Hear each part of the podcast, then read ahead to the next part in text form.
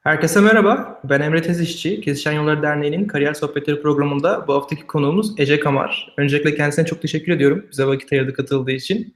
Ben Ee, teşekkür ederim Emre. Hoş geldiniz tekrardan. Ben kısaca kendimden bahsedeyim. Sonra Tarık arkadaşım bahseder. En son Ece Hanım'la başlarız yayına. Ee, ben Koç Üniversitesi Elektrik Elektronik Bölüm mezunuyum. 2016 yılında mezun oldum. Mezun olduktan sonra San Francisco'ya master'a geldim. Ee, master'ım bittikten sonra da yaklaşık 3-4 aydır e, Palo Alto Silikon Vadisi'nde çalışıyorum. Ee, Tarık sen de bahsedersen sonra Ece Hanım'la başlarız. Ben Koç Üniversitesi'nde son sınıf öğrencisiyim. Bilgisayar mühendisliği ve endüstri mühendisliği okuyorum. Mezun olunca bilgisayardan devam etmeyi düşünüyorum. Canım siz de özgeçmişinizi kısaca arkadaşlarımıza tekrar Tabii. Şu anda ben e, Redmond, Washington'da yaşıyorum. Microsoft, Microsoft'ta çalışıyorum kıdemli araştırmacı olarak. E, İzmirliyim. E, İzmir'de doğdum, büyüdüm. İzmir Fen Lisesi lisem. Sonra Sabancı'ya gittim üniversite olarak, Sabancı Üniversitesi'ne. Sonra doktora için 2005 yılında Harvard Üniversitesi'ne geldim e, Computer Science'a, bilgisayar bilimine. Orada yapay zeka alanında çalışmalarına devam ettim e, doktora sırasınca. 2010 yılında doktorayı bitirdikten sonra Microsoft'un araştırma birimine araştırmacı olarak geldim. O zamandan beri burada çalışmaktayım. Araştırma konularım genel olarak yapay zeka, yapay zeka ve insanların arasındaki iletişim, yapay zeka ve insanların beraber çalışması üzerine algoritmalar üretmek, karar vermek, bilgisayar öğrenimi, machine learning e, ve son zamanlarda da daha çok AI algoritmalarının, yapay zeka algoritmalarının dünyada değişik problemlerde kullanılmasından yola çıkarak acaba bilgisayar algoritmalarının daha güvenli, daha e, ayrım yapmayan, daha insanlar için olumlu sonuçlar üreten algoritmaları nasıl üretebiliriz üzerine de çalışmalarda bulunuyorum. Genel olarak yaptığım işlerin çoğu daha akademik, konferanslara gitmek, konferanslarda sunumlar yapmak üzerine. Ama son yıllarda bu e, yapay zeka konusundaki ilerlemeler dolayısıyla da daha farklı, e, daha genel toplum e, alanında da çalışmalar yapmaya başladım.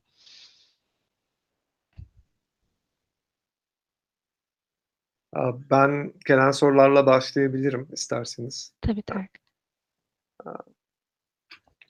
Bir arkadaşımız şöyle sormuş. Merhaba, evet çok klasik olacak belki ama yapay zekanın neler yapabildiğini kaç yıl içerisinde göreceğiz? Dünyada ne gibi artı ve eksileri olacak gibi genel bir soru sormuş. Ee, güzel bir soru, çok aldığımız bir soru. Aslında şu anda dünyadaki en bilinmeyen problemlerden biri, en çok karşılaştığımız problem yapay zeka işte 5 yıl sonra, 10 yıl sonra, 20 yıl sonra ne durumda olacak? Ee, insanlığın yerini alacak mı? İnsanın yaptığı her şeyi yapabilecek duruma gelebilecek mi? Bunlar hep e, insanlar insanların merak ettiği sorular. Alanda çalışan insanlar olarak bizim için de önemli sorular bunlar. Çünkü yapay zeka nasıl ilerlediğini tahmin edebilirsek ona göre hem daha iyi kullanım alanları açısından fırsatları yakalamak hem de çıkarabileceği problemler, ortaya çıkabilecek problemler için de çalışmaya başlamak için bu soruları biz de kendi kendimize soruyoruz. Biraz em, yapay zeka alanında son birkaç yıldır neler olduğundan başlayalım isterseniz. Ee, belki onu karakterize edebilirsek sonra yapay zeka nereye gidiyor ve neler beklemeliyiz de daha rahat bir çözüm bulabiliriz, daha rahat bir e, cevap bulabiliriz. Ee, yapay zeka 1950'lerden beri insanların üzerinde çalıştığı bir konu. İlk olarak 1950 yılında Alan Turing yapay zekayı tanımlayıp e, bir makinenin e, satranç oynayabilmesinden bahsetti. Sonra e, Turing test belki bazılarınız biliyordur. Bir bilgisayarın gerçekten zeki olduğunu nasıl anlayabiliriz gibi soruları sormaya başladı. Sonra 1956'larda e, Dortmund konferansında bilgisayar e, yapay zekanın ba- babaları bir araya geldiğinde aslında onlar dediler ki biz 3 ay yapay zeka konusunda uğraşırsak bayağı bir problemleri çözeriz herhalde. Ve sonraki yıllarda ortaya çıkan bu problemlerin aslında ne kadar zor olduğunu fark etmesi oldu e, alanımızın. Çünkü zeka o kadar tanımları olmayan, sınırları olmayan e, bir şey ki biz ne zaman yapay zeka konusunda bazı problemleri çözmeye başladığımız zaman başka problemlerin ne kadar daha farklı ve ne kadar daha zor olduğunu anlamaya başlıyoruz. Yapay zeka uygulamaları zaten onlarca yıldır her yerde. Ama son yıllarda esas gördüğümüz şey şu bizim. E, perception task dediğimiz yani algılama e, e, problemleri dediğimiz alanlarda. Bunlar nedir? E, object recognition, nesne tanıma, speech recognition, e, e, konuşmayı anlama ya da text analysis alanlarında bayağı 20 yıldır 30 yıldır ortalıkta olan tekniklerin birdenbire çok iyi çalışmaya başladığına tanık olduk biz. Bu teknikler neler? Deep learning denen teknikler neural networks'ü kullanan ve onları şu anda çok daha fazla sahip olduğumuz data ve e, cloud computing'i kullanarak bu algoritmaları çok daha düzgün bir şekilde, çok daha iyi sonuçlar verecek şekilde kullanmaya başladık. E, ve insanların yani bu alanda çalışan insanların beklemediği hızlarda bu algoritmalar başarılara ulaşmaya başladı. Bu alanlarda biz insan seviyesine ulaştık. Object recognition, speech recognition, text analysis e, alanlarında. Ve bunlar hep alan için çok aslında e, hem ilgi çekici hem de neler AI'ın neler yapabileceğini göstermek açısından ilgi çeken şeyler. Biz bu algoritmalar üzerinde çalışırken aslında bu algoritmaların zayıflıklarını da anlamaya başlıyoruz şu anda. Mesela bu algoritmalar, deep learning algoritmaları çok fazla datadan öğreniyorlar ama o datanın dışında başka bir input geldiği zaman çok da iyi çalışmıyorlar aslında. Çünkü neden? Bu algoritmalar e, aslında yaptıkları ana şey bir input'un en iyi e, representation'ını bulmak. O representation'a uygun olarak the training datasında ne varsa o cevapları getirmek. Ama onun dışında çok daha iyi bir representation'a, çok daha derin bir representation'a şu anda ulaşamıyorlar ve bu nedenle common sense tarzı şeyleri bu e, modellerde göstermek çok zor. O nedenle senin soruna cevap dönersek, Bundan sonra 5-10 yıl boyunca biz bu yapay zeka algoritmalarının dünyadaki her alana girişini izleyeceğiz. Çünkü gerçekten güzel çalışıyorlar. Gerçekten uygulanabilecek bir sürü alanlar var. Mesela fabrikalar, arabalar, e, güvenlik sistemleri, e, mesela belki Amazon'un yeni çıkardığı marketi görmüşsünüzdür Amazon Go'yu. Markete gidip Yine bu Object Recognition teknolojileri sayesinde Seattle'da bu marketi ziyaret edebilirsiniz. Markete girip hiçbir kredi kartı kullanmadan girip alışverişinizi yapıp çıkabiliyorsunuz. Hatta orada bir kasaya bile uğramıyorsunuz. Çünkü sistem sizin neler aldığınızı otomatik olarak tanıyor. Bu tarz e, dünyanın birçok alanına şu anda bu teknolojiler girecek. Çünkü gerçekten güzel çalışıyorlar. Ama insanların yaptığı işlerin bayağı bir kısmı da aslında görmeye ya da duymaya değil daha zor problem çözmeye dayalı işler. Mesela sen okulda, ben işte bütün gün neler yaptığımı düşünürsek bu problemler aslında görmenin, algılamanın çok daha ötesine geçen problemler. Buralarda hala bizim bilgisayar algoritmalarımız zorlanıyor, çok iyi çalışmıyor. Özellikle data yoksa, özellikle dünyanın e, bilinmeyenleriyle karşı karşıya kaldıklarında oralarda hala e, insanlara e, bağlı kalacağız ve çok büyük bir deep learning'i çok ilerilere taşıyıp common sense reasoning'i yapabilen algoritmalar çıkmadığı sürece de belirli alanlarda kalmaya devam edeceğini düşünüyorum ben yapay zeka uygulamalarının. Bir de galiba ikinci soru vardı. İnsanlığa faydalı olması için neler yapabiliriz gibi Tarık. Evet. Bir de dünyaya evet. artı ne olacak gibi devam ediyor. Evet. Ben yapay zeka algoritmalarını bir araç olarak görüyorum. Yani yapay zeka algoritmaları programlama, değişik bir programlama dili. Böyle sıra sıra kod yazmak yerine datadan öğrenen, kendi kendine programını geliştirebilen bir değişik programlama türü. Nasıl biz normal programlama için konuşurken programlama iyi şeyler için de kötü şeyler için de kullanılabiliyorsa aynı şekilde yapay zeka algoritmaları da iyi şeyler ya da kötü şeyler için kullanılabiliyor. Bir araç. Burada genel olarak yapay zeka algoritmalarının insanlık için ne fayda ya da zarar sağlayacağını onu geliştiren insanların istekleri, ne kadar sorumluluk aldıkları ve ne kadar yaptıkları şeyin farkında oldukları belirliyor. O nedenle algoritmalar değil de daha çok bunu yapan insanlara sorumluluğun düştüğünü düşünüyorum ben. Çok teşekkürler cevabınız için. Ee, sıradaki soruyu ben edeyim. Ee, ileride bilgisayar mühendisi olmak için e, kendimi yapay zeka alanında geliştirmek istiyorum. Ee, pardon, üniversitede ve üniversiteden sonra nasıl bir yol izlemeliyim diye sormuş. Um, geliştirmek için ilk önce konuşalım neler yapabilir, e, neler yapabilirsiniz geliştirmek için ya da ben neler yapabilirim kendimi geliştirmek için. İlk önce onu konuşalım sonra da kariyer ikiye bölelim o soruyu. Tabii. E, yapay zeka alanında olan en güzel gelişmelerden bir tanesi de yapay zeka konusunda heyecan artarken e, kaynaklar çok fazla artmaya başladı. Eee, eskiden diyelim ki bu algoritmalardan haberdar olmak için, onları kullanmak için bir doktora yapmak gerekirken belki de çünkü algoritmaların, eee, ayrıntılarını anlamak için ya da bu alandaki gelişmeleri takip etmek için akademik konferanslara gitmek gerekirken şu anda, eee, bazı kaynaklar da kullanarak aslında bu konularda bilgi sahibi olmak, hatta kullanmak mümkün. Mesela, eee, biliyorsunuz bazı, eee, online üniversiteler var, Coursera, eee, gibi. Coursera'da Andrew Wang'in başlattığı ve sonra birçok başka insanın da katkı sağladığı dersler var. Herhangi bir konuda yapay zekâda öğrenmek istiyorsanız, deep learning olsun ya da başka alanlar olsun, bu derslere katılarak, biliyorsunuz bunlar zaten bedava, sadece evinizde oturarak alabileceğiniz dersler. Bu derslere katılarak, eee, yapay zekânın temellerini ve şu anda en çok kullanılan teknikleri öğrenmek mümkün. Tabii en büyük buradaki problem, bizim Türkiye'de karşılaştığımız problem dil problemi. İngilizce bu kaynaklar hep İngilizce.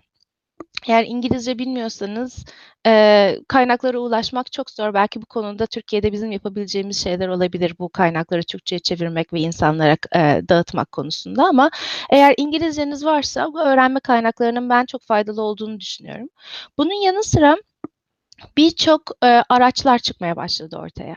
Bu algoritmaları bazı şirketler Google, Facebook, Microsoft gibi şirketler, eee, kullanılabilir arayüzleri olan, insanların rahatça kullanabileceği bir şekilde paketlemeye başladılar. Mesela TensorFlow ya da Microsoft'un CNTK'si gibi. Bu tool'ları kullanarak hiç daha önce çok fazla bir bilginiz olmadan sadece belki bir introductory level, eee, bir, eee, ders aldıktan sonra çok rahat bir şekilde, eee, uygulamalar yapmaya başlayabiliyorsunuz. Bunları, eee, takip etmenizi öneririm. Kariyer açısından tabii ben akademik bir kariyer izledim.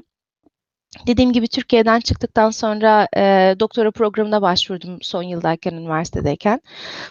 Tabii bu her herkese herkese uygun olabilecek bir program değil. Çünkü akademik kariyerin başka artıları ve eksileri var insan hayatı için ya da üzerinde çalıştığınız problemler için, eee, farklı zorlukları ya da farklı fırsatları var.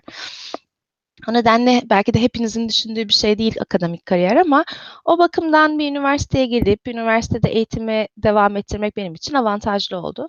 Sonra da burada nasıl bir kariyer istediğime dair düşünme ve araştırma fırsatına sahip oldum Amerika'dayken.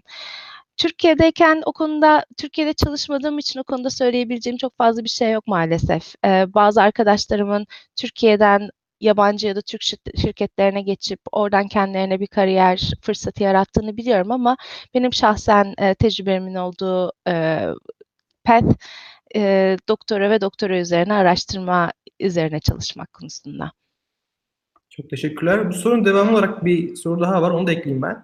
Eee, yapay zekâ öğrenimi için hangi aşamalardan başlayıp ilerlenilmeli diye sormuş, yazılım dilleri açısından. Yazılım dilleri açısından. Şu anda yazılım dilleri açısından AI dünyasındaki, eee, dominant dil, eee, Python. Özellikle de Python'daki, eee, library'ler, mesela scikit-learn olsun, başka library'ler olsun, gerçekten, eee, algoritmaları kullanmayı çok basitleştirmiş durumda. Eee, mesela biraz Python öğrenip, Python biliyorsunuz MATLAB gibi yani çok sintaksi karışık olmayan, eee, her türlü platformda, eee, kullanılabilen bir dil. Python öğrenip Python üstüne bu library'lerde neler var, insanların yazdığı çok iyi tutorial'lar var internette. Bu tutorial'ları takip ederek ilgilendiğiniz konuda gerçekten çok hızlı bir şekilde bir yerler bir şeyleri uygulayabilecek noktaya gelmeniz, emm, gayet kolay şu anda. Bu şu anda yapay zekâ dünyasındaki ilginin, eee, oluşturduğu olumlu sonuçlardan bir tanesi bana göre. Cevabınız için teşekkür ederiz. Bir başka bir soru, aslında bir yerde lafı da geçti mesela Amazon'un açtığı şubeden bahsetmiştik.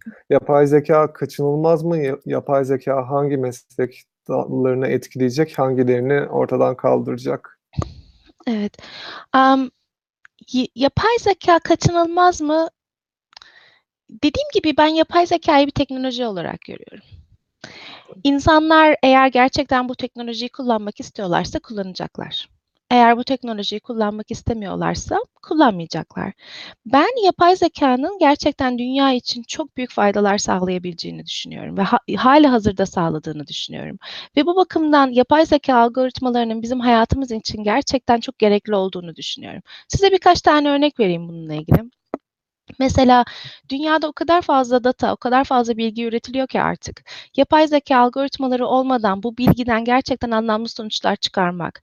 Ben araştırma yaparken ya da video izlemek istediğim zaman bu bilgileri teker teker teker teker araştırmam benim için artık mümkün değil. Google, e, tavsiye sistemleri, arama sistemleri bunlar gerçekten dünyada üretilen bilginin bir şekilde e, kullanılabilir olmasını sağlıyorlar. Ben artık baktığınız zaman Google bir yapay zeka şirketi. Çünkü Google'ın içindeki arama motorundaki algoritmalar yapay zeka algoritmaları. Google'ın hayatımızdan çıktığını düşünebiliyor muyuz? Gerçekten çok zor bilgiyle beraber bunun gibi birçok faydalı alan var. Mesela Microsoft'taki benim e, beraber çalıştığım insanlar e, yapay zeka algoritmalarını tarım için, tarımı daha verimli hale getirmek için kullanmaya çalışıyorlar. Ya da e, hastalıkların dünyada nasıl yayıldığını modellemek ve bunun için önlem almak için. E, ya da e, yine USC'de beraber çalıştığım bir grup yapay zeka algoritmalarını oradaki evsizliği ortadan kaldırmak için kullanmaya çalışıyor. Yapay zeka algoritmalarının olumlu bir şekilde hayatımızda kullanabileceğimiz e, fırsatlar çok fazla. Bunun negatif tarafı da var tabii ki mesela işsizlik gibi. Bu gerçekten karşılaşacağımız önümüzdeki bence önümüzdeki 10, 20, 30 yılda karşılaşacağımız önemli problemlerden biri. Yapay zeka algoritmaları her şeyi yapamıyorlar. Belki bence önümüzdeki 5-10 sene boyunca her şeyi yapabilecek duruma da gelmeyecekler. Ama yapay zeka algoritmaları bazı şeyleri güzel yapabiliyor. Bunlar nedir? İyi tanımlanabilen, tekrarı olan, elimizde çok fazla data bilen olan problemleri yapay zeka algoritmaları iyi bir şekilde öğrenebiliyor ve öğrenebilecek. Bu da ne demek? Eğer günlük hayatta yaptığınız iş gerçekten çok tekrarı açıksa o zaman o iş bilgisayarlara geçebilir. Ee, Amerika'da en çok kaygılandığımız alanlardan biri şoförler, araba kullanmak. NPR'ın bir e, infografiği vardı. Oraya baktığınız zaman Amerika'nın birçok eyaletinde insanların en çok yaptığı iş e, kamyon kullanmak. Çünkü Amerika içindeki birçok e, mal geliş gidişi e, kamyonlar vasıtasıyla oluyor. Gerçekten şu andaki teknolojiler e, otobanlarda en azından bu kamyonların araba kullanımının otom otomasyonla yapılabileceği yönünde. Bu ne demek? Böyle belirli bir alanda yani kamyon sürücülüğü alanında biz gerçekten işlerin insanlardan makinalara kısa vadede geçeceğini düşünüyoruz. Tabii bu aslında büyük bir problem. Dediğim gibi Amerika'daki en yaygın işlerden bir tanesi bu. Aynı şekilde e, diyelim ki markette çalışan insanlar, e, mağazalarda çalışan insanlar bu işlere gerçekten kısa vadede otomasyonu e, olacak gibi görünüyor. Bu alanda yine yapay zekanın yapabileceği ya da yapması gereken birçok şey var. Mesela bu insanlara yeni iş kollarına nasıl eğitilebilir? E, yeni işler bulmaları nasıl sağlanabilir diye. Bunlar gerçekten şu anda e, teknoloji şirketlerinin, hükümetlerin ve legal yani hukuksal alanların beraber e, çalışması gereken zor problemler. Yazın ben um, Amerika'da Aspen Forum denen bir forum var. İşte regülatörler olsun, teknoloji şirketleri olsun onların bir araya geldiği bir alan. Orada bir panelde konuşmacıydım. Ve bu sorularla karşılaştık. Amerikan hükümetinden ve başka hükümetlerden e, ve şirketlerden işler nasıl azalacak ve bu konuda yapmamız gereken şeyler ne? Bunlar gerçekten karşılaştığımız zor problemler. Bununla ilgili olarak aslında şöyle bir soru var. Mesela yapay zekanın hani gelişmesinin önündeki en büyük engel ne diye sormuş bir arkadaşımız. Computational power mı, data eksikliği mi yoksa algoritmaların şu anki var olan algoritmaların yetersiz olması mı? Um, bence sıralarsak bir numara algoritmalar. Neden? Çünkü algoritmalar elimizde olan algoritmalar çok fazla data gerektiriyor. Ee, mesela insanların birkaç kere görerek anlayabileceği bir konsepti bir milyonlarca data point'e ihtiyaç duyuyor şu andaki algoritmalar. Eee, bazı insanların, eee, şu anda üzerinde çalıştığı algoritmalar var mesela. Bunlar nelerdir daha, eee, teknik arkadaşlar için söyleyeyim. One shot learning, zero shot learning, transfer learning. Bu alanlarda olan, eee, problemler ne? Daha az datadan nasıl öğrenebiliriz? Ya da unsupervised learning, labeled data olmadan nasıl öğrenebiliriz? Ya da belirli bir alanda öğrendiğimiz eee, modelleri alakalı ama aynı olmayan bir alanda nasıl kullanabiliriz? Eğer bu algoritmik alanlarda, eee, iyi ilerlemeler sağlayabilirsek o zaman data gereksinimimizi azaltabilecek noktadayız. O nedenle ben 1'inci limitasyonu algoritmaya koyuyorum. Eğer bu algoritma alanındaki ilerlemeleri sağlayamı sağlayamazsak ya da hâlâ, eee, şu anki algoritmalar en iyi çalışan algoritmalar olarak kalırsa o zaman 2'nci limitasyonumuz data. Çünkü şu anki algoritmaların çalışması için büyük miktarda kaliteli dataya ihtiyaç duyuyoruz ve bu datanın aynı zamanda labeled olması gerekiyor. Bu ne demek? Eee, datanın dünyada ne olduğunu gösteren, eee, feature'lara sahip olması ve aynı zamanda da makinenin tahmin etmeye çalıştığı, eee, feature'ı da, eee, doğru cevabının orada olması gerekiyor. Bu input output pair'larının olması gerekiyor. Eee, o zaman da, eee, en büyük limitasyon, 2'nci limitasyon data. Mesela, eee, biz algoritmaların değişik uygulama alanlarına bakarken karşılaştığımız şu anda en büyük limitasyon data.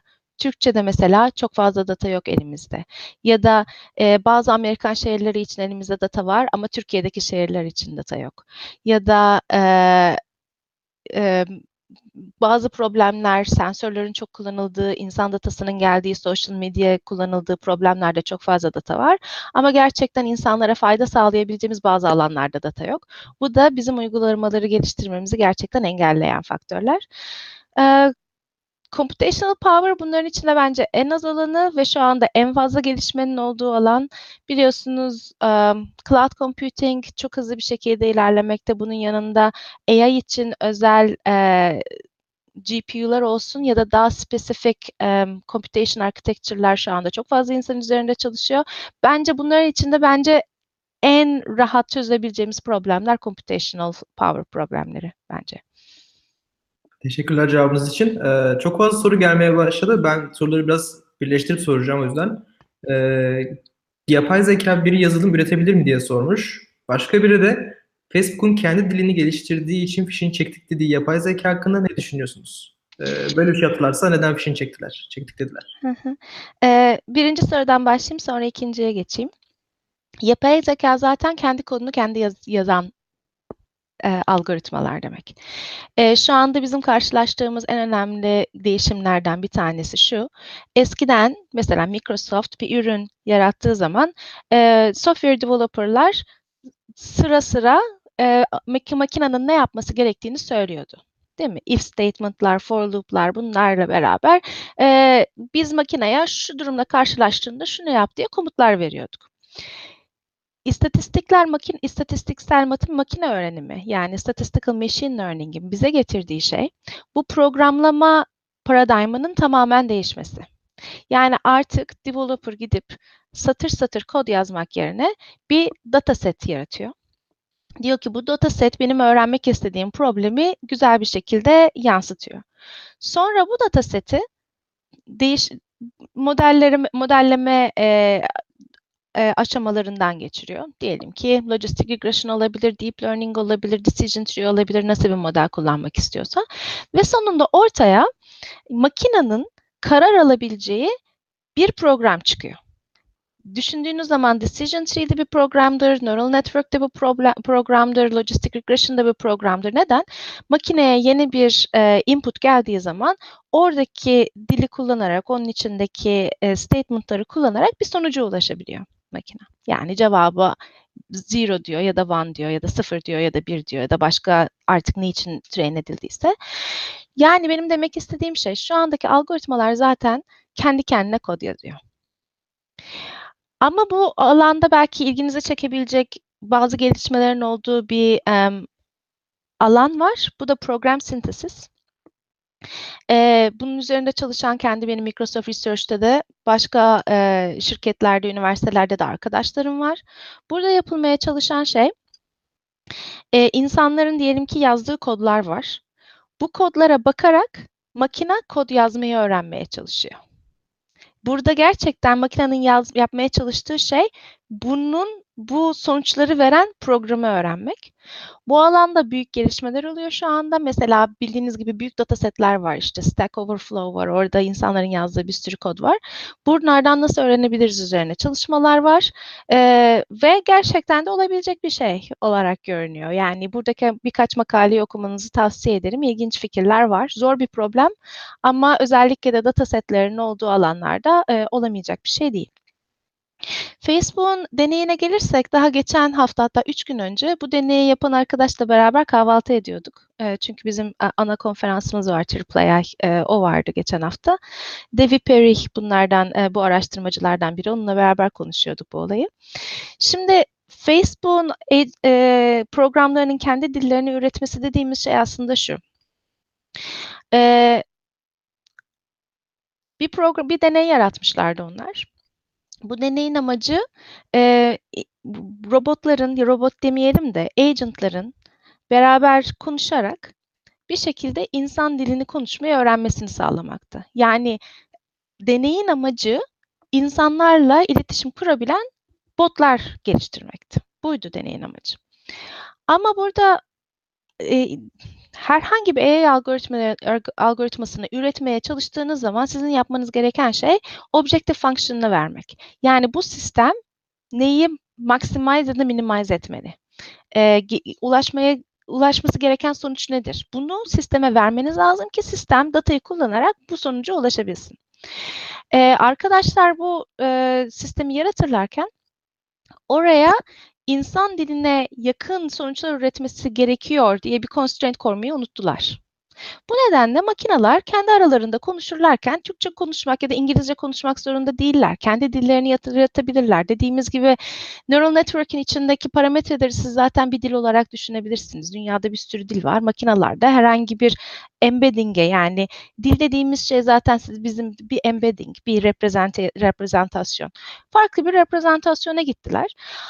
Yani bu aslında bugün herhangi bir insanın yapabileceği bir deney. Dediğimiz gibi 2 makinenin konuşmasını isterseniz o 2 makine herhangi bir dilde konuşabilirler. Bu konuda aslında korkutacak hiçbir şey yok. Sadece bizim için hiç faydalı bir şey değil. Çünkü biz o dili anlamıyoruz. Bir tek kendileri anlıyorlar. Öyle korkutucu bir şey oldu, deney durduruldu diye bir şey yok. Hatta arkadaşımla konuşuyordum. Arkadaşım dedi ki, "Biz" dedi, "bunu zaten basmıştık. Eee, o zaman çok fazla bir ilgi görmedi. Sonra bir gazeteci bu sonuçlara ulaştı. Birdenbire olay patladı." dedi ama yani öyle biz korktuk da kapattık diye bir şey yok. Sadece yaptıkları deneyin, eee yetersiz, eee, bir, eee, objektifte olduğunu fark ettiler. İstedikleri sonuca ulaşamadıklarını fark ettiler ve sonra, eee, bunu tamir edip başka istedikleri deneyleri yaptılar. Yani öyle, işte, makineler kendi dillerini üretti, makineler çok zekileşti, biz kontrol edemiyoruz, sonuçlarına ulaşılabilecek bir deney değildi o. Basında çok farklı, aaa, yani ses getirmişti o zaman Evet. bu şeylerden dolayı. O aslında şu anda karşılaştığımız en büyük problemlerden biri basında AI'ın gösterimi.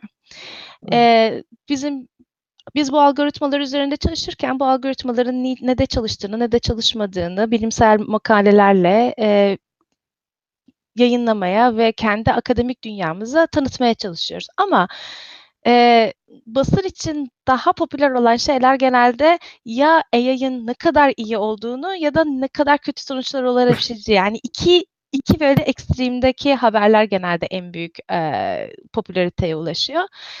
Bizim Facebook'taki arkadaşlarımızın da şikâyet ettiği konulardan biri bu. Kötü sonuçlarla ilgili bir arkadaşımız şey sormuş. Sizce Elon Musk ve Stephen Hawking gibi şahsiyetler yapay zekâ konusunda iyimser neden iyimser değil, haklılar mı sizce? Yani o o yönü var mı? O tarafa gidebilir mi yapay zekâ uygulamaları? Yapay zekânın negatif sonuçlarına bakarsak bazı negatif sonuçlar gerçekten biz tahmin edebiliyoruz negatif sonuçlarını. Mesela neler hakkında konuştuk? İşlerin elden alınması ya da iyi e, eğitilmemiş algoritmaların e, dünya üzerinde yanlış şeyler yapabilmesi. Bunlar gerçekten olabilecek. Hatta olan senaryolar bunları biliyoruz. E, Elon Musk'ın ya da Stephen Hawking'in bahsettiği senaryolar daha çok AI'ın birdenbire çok zeki haline gelmesi ve insan kontrolünden çıkması üzerine senaryolar. Ben şu anki AI konusundaki gelişmelere baktığım zaman bu olasılıkların son 10 yıldaki 20 yıldaki gelişmelerle eskiden daha olası hale geldiğine dair bir e, veri görmüyorum. Yani bence şu anda elin uğraştığımız algoritmalar evet çok başarılılar, çok güzel sonuçlar ortaya çıkarıyorlar ve çok da faydalı olabilirler. Ama bu algoritmaların birdenbire insan zekasından daha üstün bir zekaya ulaşıp kontrolden çıkma konusunda bizi o sonuca yaklaştıran algoritmalar olduğunu düşünmüyorum. Ama bu aynı zamanda da bu ihtimalin sıfır olduğu anlamına gelmez.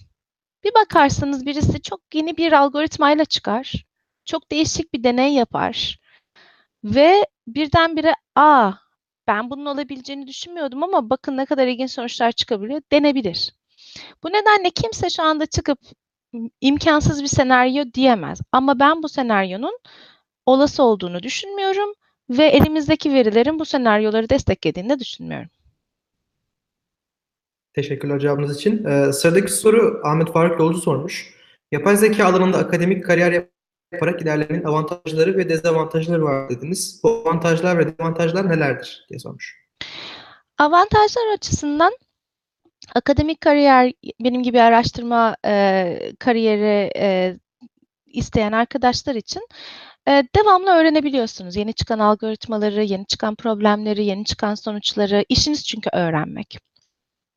E, bu da işi gerçekten hem eğlenceli hem de heyecanlı kılıyor.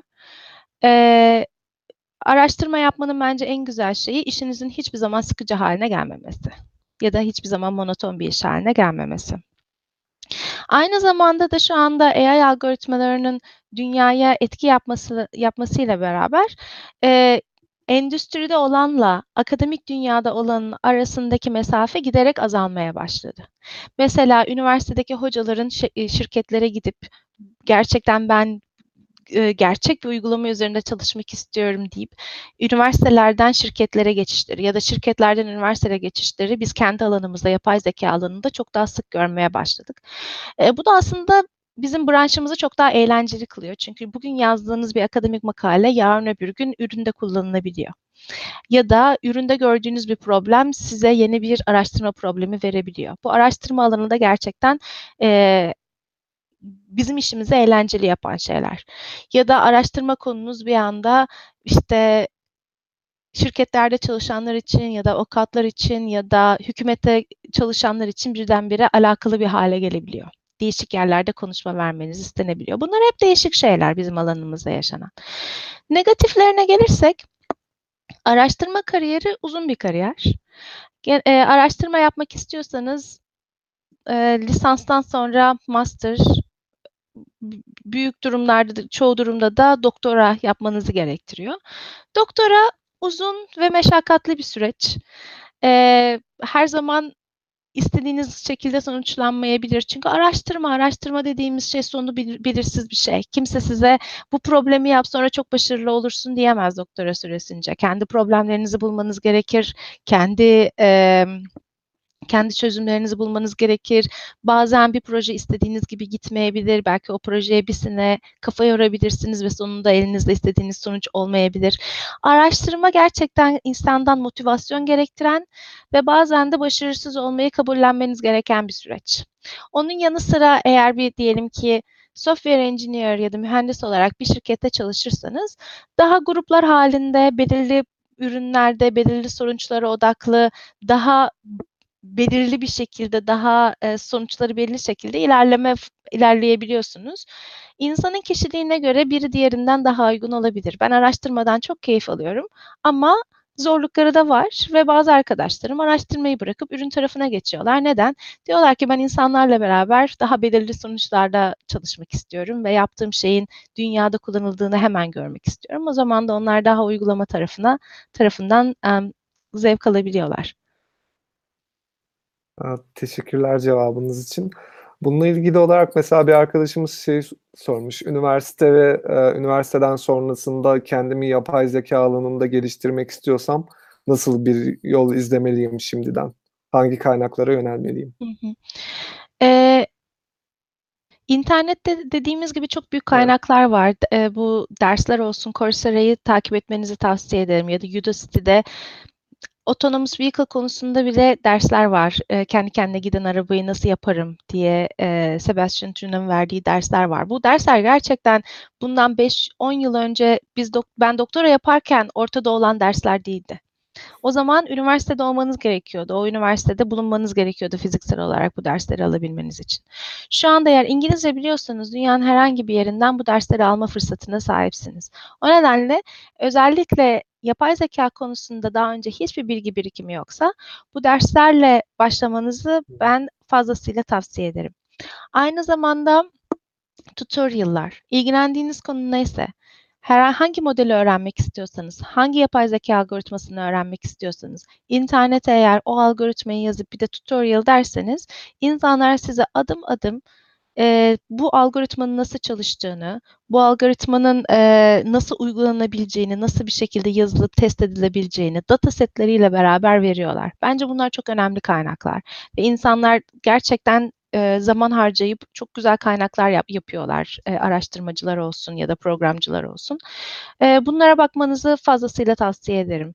İnternette e, bazı e, şey kaynakları takip edip orada neler, insanlar nelerden bahsediyorlar, çıkan haberler ne, bunları da takip etmeniz faydalı olabilir bence. Teşekkürler cevabınız için. Ee, sıradaki soruyu iletiyorum ben. Merhabalar. Otonom olarak çalışan sistemlerin insanları psikolojik olarak manipüle etmesini önlemek için neler yapılabilir? Mevcut sistemlerde ya da sizin üzerinize çalıştığınız sistemlerde etik kavram ve kuralların ne kadar uygulanabiliyor? Teşekkürler demiş. Çok önemli bir soru bu. Ee, mesela bizim geçen hafta bir makalemiz çıktı. Ee, İsrailli bir grupla beraber. Orada gösterdiğimiz şey bizim şuydu. Algoritmaları kullanarak bir insanların bir platformda daha fazla kalmasını şu anda sağlayabiliyoruz. Bunu öğrenebiliyoruz. Diyelim ki siz bir platforma, bu bir iş platformu bizim üzerinde çalıştığımız platform. Gidiyorsunuz normalde diyelim ki yarım saat çalışırdınız. Biz kendi algoritmalarımızı kullanarak sizi yarım saat değil, değil de mesela 45 dakika kalmaya ikna edebiliyoruz. Şimdi bazı alanlarda bu faydalı olabilir. Neden? Diyelim ki gerçekten çalışmak istiyorsunuz ama siz diyorsunuz ki bize ben konsantrasyonumu çok çabuk kaybediyorum. Konsantre olmam için beni motive edebilir misiniz? Olumlu bir şekilde biz bunu yapabiliriz. Bunu gösterdik. Ama sizin farkında olmadan da belirli bir şirket, ürün, sizin o üründe daha fazla zaman geçirmeniz için bu algoritmaları kullanabilir. Bunlar bizim şu anda akademik olarak e, deneylerle gösterdiğimiz şeyler. Bunlar mümkün algoritmik olarak bunlar mümkünken e, şirketlerin bunu yapmamasını nasıl sağlayabiliriz? Orada o zaman e, zor bir soru var. O zaman şirketlerin e, etiksel olarak neyin doğru, neyin yanlış olduğunu kendi kendine sorgulamaları gerekiyor. Eğer şirketler bunu kendi kendine sorgulamazlarsa o zaman e, regülasyonlar gelebilir ve regülasyonlar da her zaman en doğru sonuçları vermeyebilir.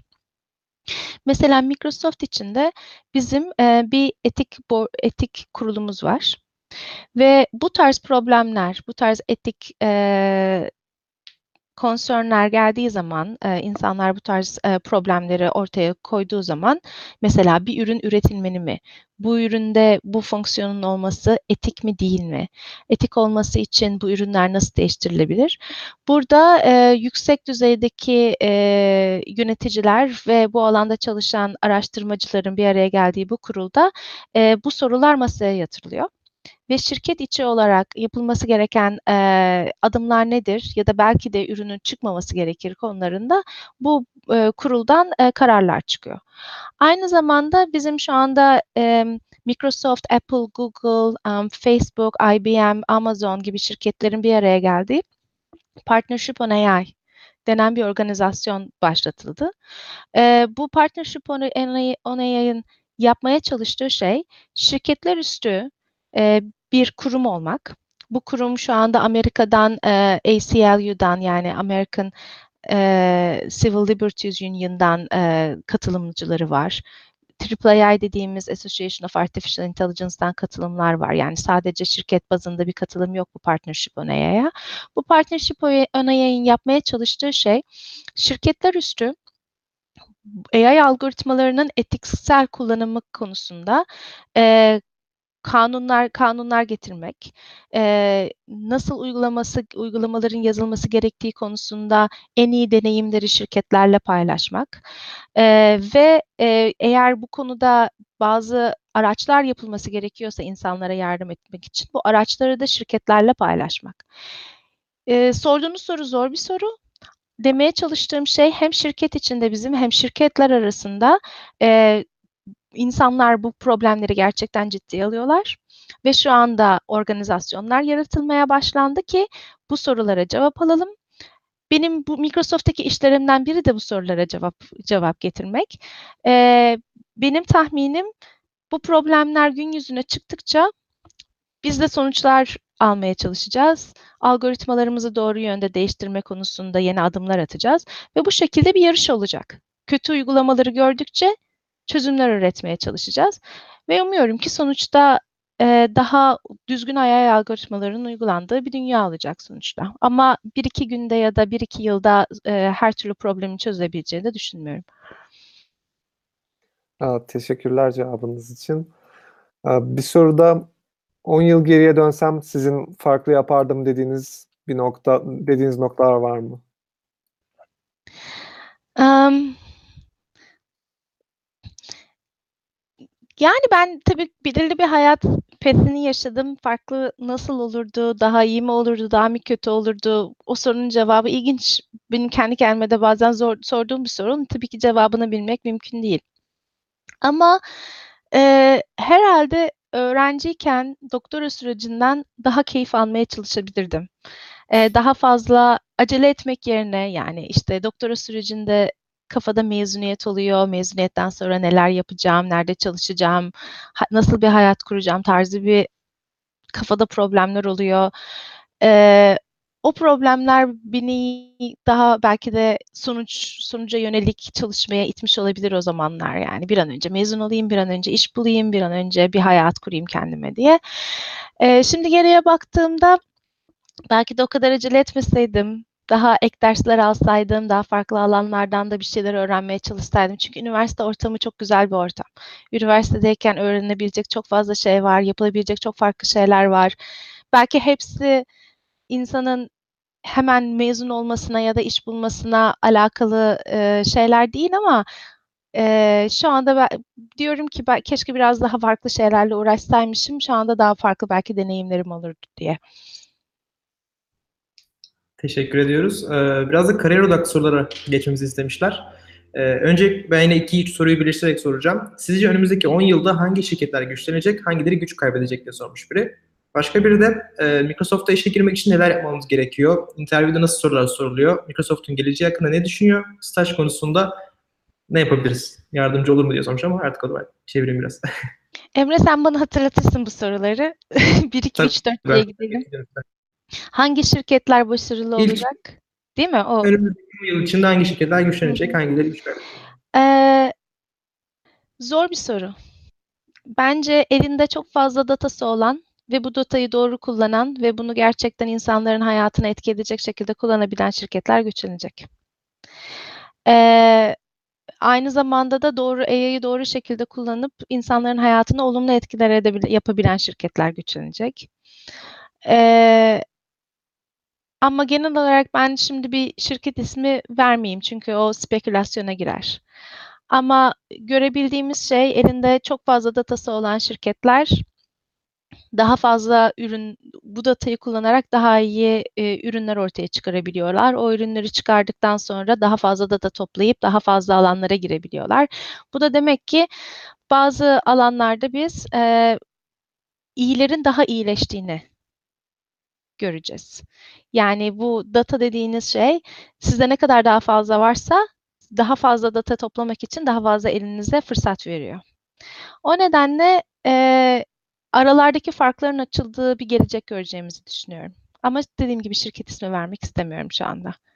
İkinci soru neydi Emre? Microsoft'ta işe girmek için neler yapmamız gerekiyor? Microsoft'ta birçok farklı pozisyon var. Ee, Microsoft'taki insanların, teknik insanların çoğunluğu e, programlama alanında çalışıyorlar. Programlama mühendisi olarak çalışıyorlar. Aynı zamanda e, ürün yönetimi konusunda, program manager dediğimiz ürün yönetimi konusunda da çalışan birçok arkadaşımız var. E, şu anda e, popüler olan alanlardan e, diğeri de data scientist. E, datanın toplanması, datanın temizlenmesi, datanın analizi konusunda uzmanlaşmış birçok arkadaşımız var. Benim bulunduğum alan araştırma ve araştırmanın e, araştırmada işe girmek diğerlerinden farklı bir e, proses izliyor. Siz mühendis olarak gireceğiniz zaman Microsoft'un e, Microsoft her zaman bu konuda eleman arıyor. E, programlama e, mülakatları var. Burada işte belirli internette zaten çok bulabileceğiniz programlama soruları var. İşte Google neler sorar, Microsoft neler sorar, programlama interviewlarına nasıl hazırlanırım diye kitaplar var. Bunlardan bunları çalışmak gerekiyor. Bunun bir kolay tarafı yok. Yani o e, işte bazı web siteler var. O web sitelerde şirketlerin başkalarına neler sorduğunu da görebiliyorsunuz. Oturup uzun bir süre yani Bazen ben iki ay, üç ay gibi süreler duyuyorum. Belki bazı insanlar için daha fazla süre gerekebilir. Bu mülakatlara oturup çalışmak gerekiyor ciddi bir şekilde. Çünkü yaptığınız şey eninde sonunda o beyaz tahtanın karşısına geçip size verilen soruları olabildiğince çabuk ve doğru bir şekilde kodlayabilmek. Ee, eğer gerçekten bu Amerikan şirketleri işte Google, Facebook ya da Türkiye'de interviewler nasıl ilerliyor onu çok bilmiyorum. Çalışma mühendis olarak çalışma konusunda istekliyseniz benim tavsiyem iyi bir şekilde programlama çalışmak. Ee, bunun yanı sıra tabii kişisel özelliklere de bakılıyor ama e, orada tabii çalışmak daha zor. Eminim internette kaynaklar vardır. İşte bazen bu değişik problemler sorulabiliyor. İşte kaç tane top sığar bir tane arabaya falan diye. E, onlara da bakabilirsiniz ama onlar daha çok insanların problemlere yaklaşımını görmek için doğru sonuca ulaşmaktan ziyade nasıl fikir yürütüyorsunuz tarzı şeylere bakmak için kullanılıyor. Araştırma işleri için bizim daha çok e, biz bizim bütün e, adaylarımız doktora sürecinden geliyor. E, biz de daha önce staj yapmış olan insanlara tabii ki e, öncelik veriyoruz çünkü onları biliyoruz, çalışmış oluyoruz, beraber takip etmiş oluyoruz. E, buraya geliyorlar, ilk önce kendi araştırmalarını anlatan bir konuşma veriyorlar, sonra da iki gün süren bir mülakat sürecimiz var daha çok araştırmaları tartıştığımız. O bizim e, araştırma için e, iş sürecimiz daha çok bir akademik e, mülakat programını takip ediyor. E, stajlarla ilgili soru vardı sanırım. Evet, e, staj için de geçerli mi yoksa e, gelen sorular staj başvurusu kabul ediyor musunuz? E, nasıl başvurmalıyız? Genel tabii ki bizim bizim e, Microsoft araştırma olarak yazları özellikle e, binadaki kişi sayısı iki katına çıkıyor. Yaklaşık bin tane stajyer alıyoruz sadece bu binaya yazları. Ee, ve bu e, stajyerler genelde doktora programlarından geliyorlar bize. Çünkü araştırma yapıyoruz. 12 hafta süren bir staj programımız var. Bu 12 hafta sonunda bizim amacımız araştırmada e, iyi bir konferansta çıkabilecek ya da journalda çıkabilecek bir araştırma makalesini 12 haftada üretebilmek. E, çok iyi üniversitelerden, çok iyi e, öğrenciler genelde e, başvuruda bulunuyor. Girmek gerçekten zor bizim staj programlarımız. Aynı şekilde aynı şey Facebook'un araştırması ya da Google'ın araştırması için de geçerli ya da DeepMind. E, ve çoğunlukla tanıdığımız öğrencilere, konferanslardan olsun ya da hocalarını tanıdığımız öğrencilere tabii ki öncelik veriyoruz. Çünkü onlar bir tavsiyeyle geliyorlar bize. Benim araştırma stajı arayan arkadaşlar için tavsiyem makalelerini okuyup gerçekten işlerini beğendikleri insanlara kişisel olarak mail atarak kendilerini tanıtmaları. Çünkü sistemde o kadar fazla e, başvuru var ki onlara teker teker bakıp değerlendirmek çok zor oluyor. O nedenle kişisel olarak bizimle e, iletişime geçen arkadaşların şansı daha yüksek olabilir. Aynı şekilde iş staj bakmak, Microsoft içinde de staj bakma açısından e, birçok her şirkette birçok Türk arkadaş var ve arkadaşlarımız gerçekten çok yardımcı oluyorlar. Her türlü soruya, özellikle Türkiye'den arkadaşlardan gelen öğrenci arkadaşların sorularına çok yardımcı olan, oluyor arkadaşlarımız. Ve biz istiyoruz birçok Türk gelsin, e, tabii ya da Türkiye'de ya da burada birçok Türk çok güzel yerlere gelsin, başarılı olsun. Ee, hep Türkleri görelim iyi yerlerde. Bu hepimizi çok mutlu edecek şeyler Amerika'da yaşayan Türkler olarak. Organizasyonlarımız var bizim Washington'da, başka yerlerde. Hep birbirimizi tanımak, birbirimize yardımcı olmak için. O nedenle çalışmak istediğiniz şirkette, çalışmak istediğiniz alanda, LinkedIn'de ya da başka yerde gördüğünüz Türk arkadaşlara mesaj atmaktan çekinmeyin. Fikirlerini sorun, Staja nasıl gelebilirim? İşe başvurmak istiyorum. Bir tavsiyeniz var mı? Kişisel bağlantılar iş arama ve staj arama süresince çok önemli. Ee, o kadar fazla insan başvuruda bulunuyor ki şirketlere bir sisteme girip CV'nizi koyarak bir şeylerin olabi olabilir belki küçük bir ihtimal ama siz proaktif olup gerçekten insanlarla iletişime geçerseniz önünüzdeki kapıları daha rahat bir şekilde açabilirsiniz. Teşekkürler. Son bir sorumu daha ileteyim. E, ofiste misiniz? Hafta sonu çalışıyor musunuz diye sormuş biri. Ofisteyim çünkü e, 4 yaşında bir kızım var evde ve evden konuşsaydım eğer o bizi bayağı bir sıklıkla rahatsız ederdi. O nedenle ofise gelmeyi tercih ettim. E, evimle ofis aram 5 dakika çok şanslıyım o bakımdan. Ama bazen hafta sonu çalışmam da gerekiyor. Teşekkürler. Bir soru var. Mesela dataların yani öneminden bahsediyoruz. Bazı şirketlerin özellikle fazla dataya sahip olan şirketlerin daha avantajlı olduğunu ve büyümelerini de olumlu etkilediğinden. Soru şu şekilde yani yapay zeka küçük firmaların ve startupların giremeyeceği kadar zor bir alan mı? İlla büyük şirketler mi bu işi yapmalı ya da yapabilir? Güzel bir soru. Um, yapay zeka alanında bence en önemli şey iyi bir fikre sahip olmak. Ee, iyi bir fikre sahip olunca bazı dataya sahip olmak gerçekten çok zor olabilir ama bazen de dataya sahip olmak o kadar da zor olmayabilir. Mesela benim çalışma alanlarımdan bir tanesi Human Computation ve Crowdsourcing. Ee, bazen sadece crowdsourcing platformlarını kullanarak ya da insanların bir şekilde datasını sizinle paylaşmasını rica ederek de dataya sahip olabilirsiniz. Konunuzun ne olduğuna bağlı. Bazen bir startup büyük bir şirketin e, düşünemediği bir fikirle gelebilir. Çünkü daha yaratıcı olabilir. Ya da büyük bir şirketin almak istemediği bir riski bir startup alabilir. O nedenle birçok alanda en önemli şey fikir, ilginç bir fikre, daha önce başkasının bakmadığı bir fikre sahip olmak. Evet, dataya sahip olmak da çok önemli ama e, şirketler dataya sahip olmanın tek yolu milyonlar, milyon, milyonlarca ya da milyonlarca e, kullanıcıya sahip olmak değil hala hazırda. Başka teknikler de var data almak için.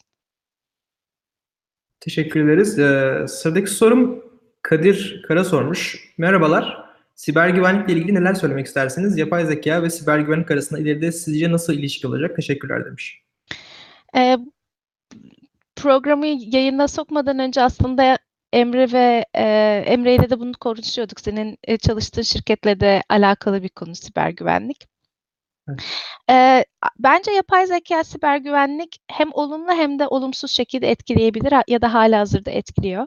Mesela seninle konuştuğumuz şey Emre, algoritmaların nasıl şirket tarafında e, tarafından e, kötü niyetli insan, kötü niyetli e, nasıl söylemek lazım? E, kötü niyetli talepleri ya da e, etekleri ta, e, tahmin etmesi ve bunları insan insanlardan çok daha önce belki de e, engelleyebilmesi yönünde yapay zeka kullanımları zaten hali hazırda var.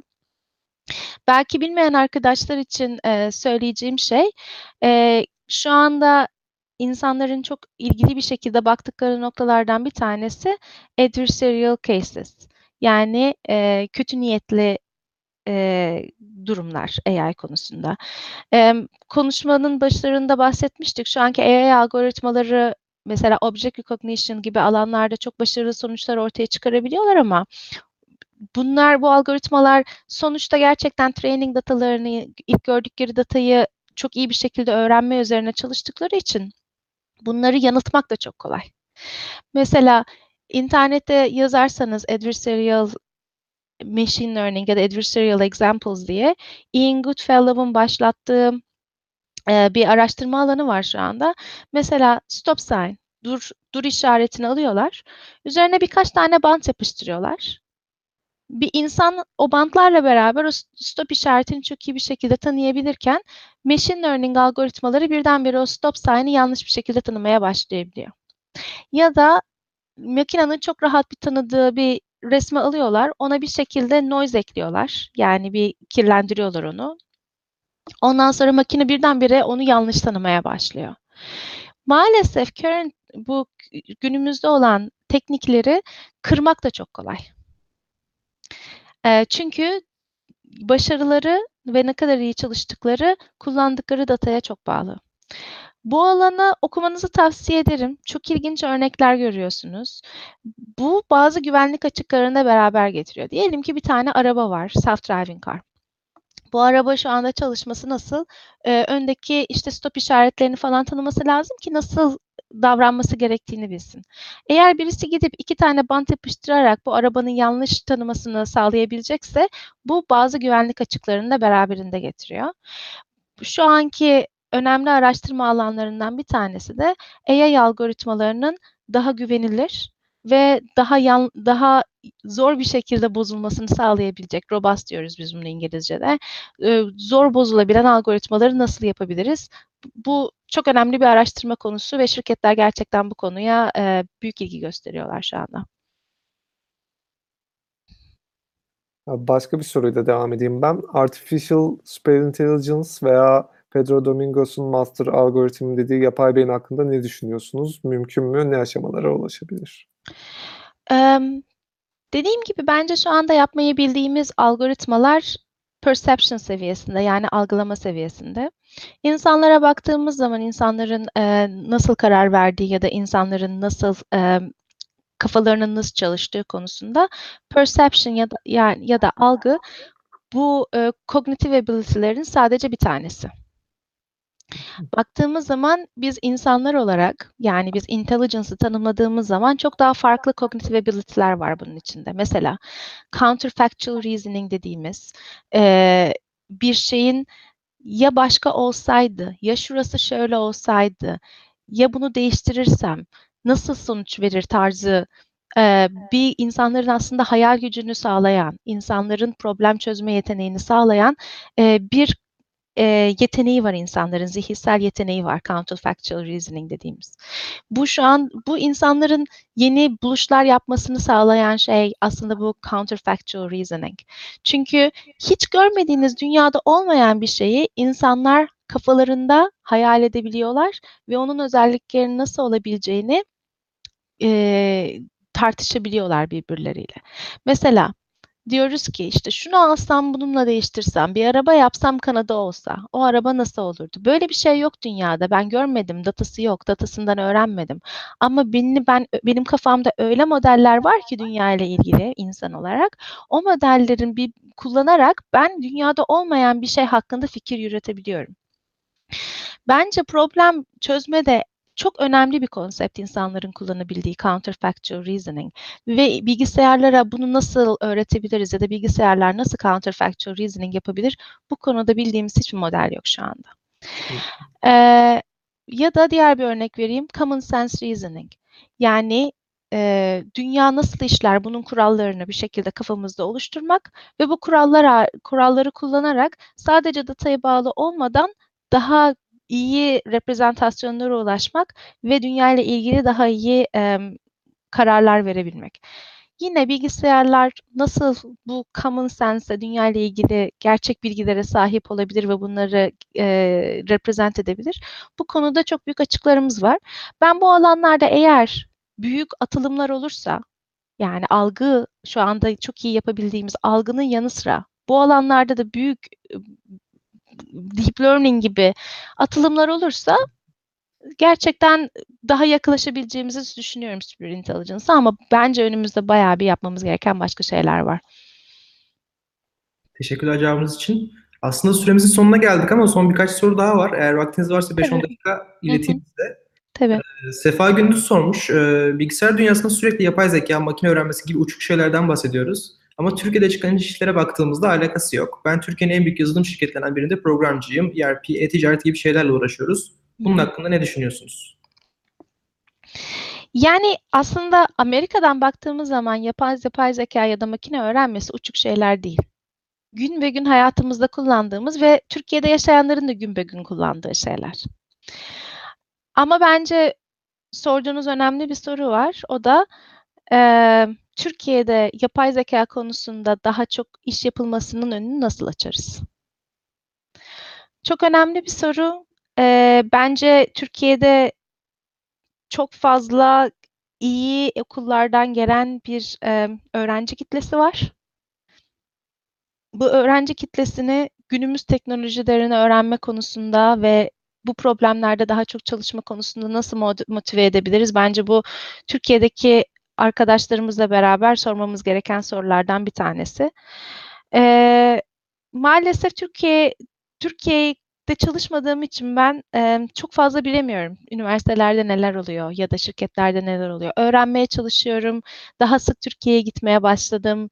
Eee, Türkiye Microsoft Türkiye ile sıkı daha sıkı ilişkilerim var ve umuyorum ki belki bir iki sene sonra bana bu soruyu sorduğunuzda size daha iyi bir cevap verebileceğim. Umuyorum ama şu anda size verebilecek çok iyi bir cevabım yok maalesef.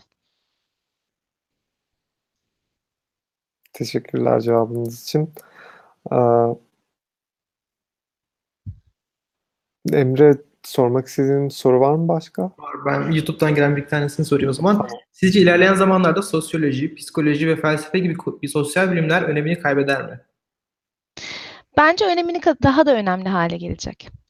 Çünkü AI dünyasında baktığımız zaman işte bazı problemlerden bahsettik. Etik, eee, insanlarla bilgisayarların beraber nasıl iyi çalışabilmesi. Eee, benim üzerinde çalıştığım problemlerden bir tanesi bilgisayarlara ön yargılı olmamayı öğret öğretmek mesela. Bu problemler hep sosyal bilimleri çok ilgilendiren problemler. Ve şu anda bu problemlerin sonucuna biz ulaşmak için bu problemleri sadece bilgisayar problemi olarak değil, bu değişik alanların bir araya geldiği ve beraber çalışması gereken problemler olarak görüyoruz. Ve bizim mesela New, York Lab'ımıza baktığımız zaman Microsoft'un araştırmanın e, bir de New York'ta ve New England'da, e, Cambridge'de ve New York'ta olmak üzere laboratuvarları var. Bu laboratuvarlardaki araştırmacı profiline baktığımız zaman aslında bahsettiğim bütün alanlardan araştırmacıların orada bilgisayar bilimcilerle beraber çalıştığını görüyoruz. Ve çok farklı, çok ilginç işlerle geliyorlar. Çünkü bu insanlar beraber bir araya geldiklerinde problemlere farklı bakış açıları getirebiliyorlar. Bence söylediğin alanlar bilgisayar bilimiyle beraber yaklaşıp bilgisayar bilimiyle ortak çalışarak daha önemli hale gelecek önümüzdeki birkaç yılda. Teşekkür ederim cevabınız için. Ee, sıradaki soru sizi bilgisayar mühendisliğini ardından yapay zekaya yönelten şey ne oldu? Çünkü çok erken yıllarda bu alana yönelmişsiniz. Daha hiç konuşulmayan yıllarda. Hı hı. Nasıl haberiniz oldu? Nasıl yöneldiniz? Ee, burada benim Sabancı Üniversitesi'nde bize eğitim veren hocalarımızın aslında katkısı çok büyük. Burada özellikle Kemal Aflezer ve Aytül Erçil'den bahsetmek lazım. Kemal Aflezer şu anda Katar'da, o zaman Sabancı Üniversitesi'nde profesördü ve Kemal Bey bizi çok erken yaşlarda daha üniversite ikinci sınıftayken araştırmanın içine soktu. Ee, bu fırsatları bize verdi ve şu anda benim be- orada beraber çalıştığım arkadaşlarımın Sabancı'dan birçoğu yine akademik dünyada e, yapay zeka konusunda ilginç işler yapıyorlar. Çünkü Kemal Bey bize araştırmanın ne kadar ilginç olabileceğini çok erken yaşlarda gösterdi. Aynı şekilde Aytül Hanım da öyle. Aytül Hanım da Türkiye'de e, yapay zeka uygulamaları konusunda önde gelen insanlardan bir tanesi. E, şirketler kurarak, üniversitede dersler vererek e, gerçekten bu teknolojilerin dünyaya girmesi konusunda çok büyük adımlar atıyor. Berrin Yanıkoğlu aynı zamanda. Bu hocalarımız bize küçük yaşlarda daha üniversite ikinci sınıftayken yapay zeka hakkında bilgi vermeye, uygulamaları neler olabileceği konusunda göstermeye başladılar. E, ve onların buradaki katkısı bence çok büyük. Ama kişisel olarak beni esas yapay zekaya ilk ilgilendiren şey dil oldu. Ben her zaman insanların dili kullanımını çok ilginç buldum. ve dilin çok önemli bir e, insanlar için çok büyük bir e, araç olduğunu ve insanların bir şekilde bilgiyi paylaşmak, bilgiyi korumak açısından dilin çok önemli olduğunu düşündüm. O nedenle dili, yapay zeka benim bilgisayarlara dili nasıl öğretirizden başlayarak yapay zeka hep dille beraber gitti benim için üniversite yıllarında. Ee, ama diğer bir şey de ben her zaman puzzle'ları çok severim ve yapay zeka ile çalışmak, yapay zeka üzerinde çalışmak bana günlük hayatımda, işimde de sanki bir puzzle yapıyormuşum zevki veriyor. Yani kişisel olarak beni, beni gerçekten çok tatmin eden ve ilginç gelen bir alan. Teşekkürler. Ben sizi daha fazla tutmayayım. Sorular geliyor mu? Sorular çok benzer. Arkadaşlar yayını baştan seyrederlerse cevaplarını alacaklardır. Biz zaten daha sonradan da bu yayınları kısa kısa soru cevap şeklinde bölüp paylaşıyoruz. Oradan da takip edebilirler veya izleyebilirler. Ee, son herkese sorduğumuz bir klasik soru var. Sizin Türk gençliği için genel olarak tavsiyeniz neler, nelerdir? Nelerle uğraşmalarını tavsiye edersiniz? Sizden bunu duyarsak yayını kapatırız. Zor bir soru. Bence Türkler o bulundukları ortamı ve e, neler gördüklerinin dışına bakmaya çalışmalılar. E, dünyada neler oluyor? Dünyada insanların üzerinde uğraştığı problemler nelerdir?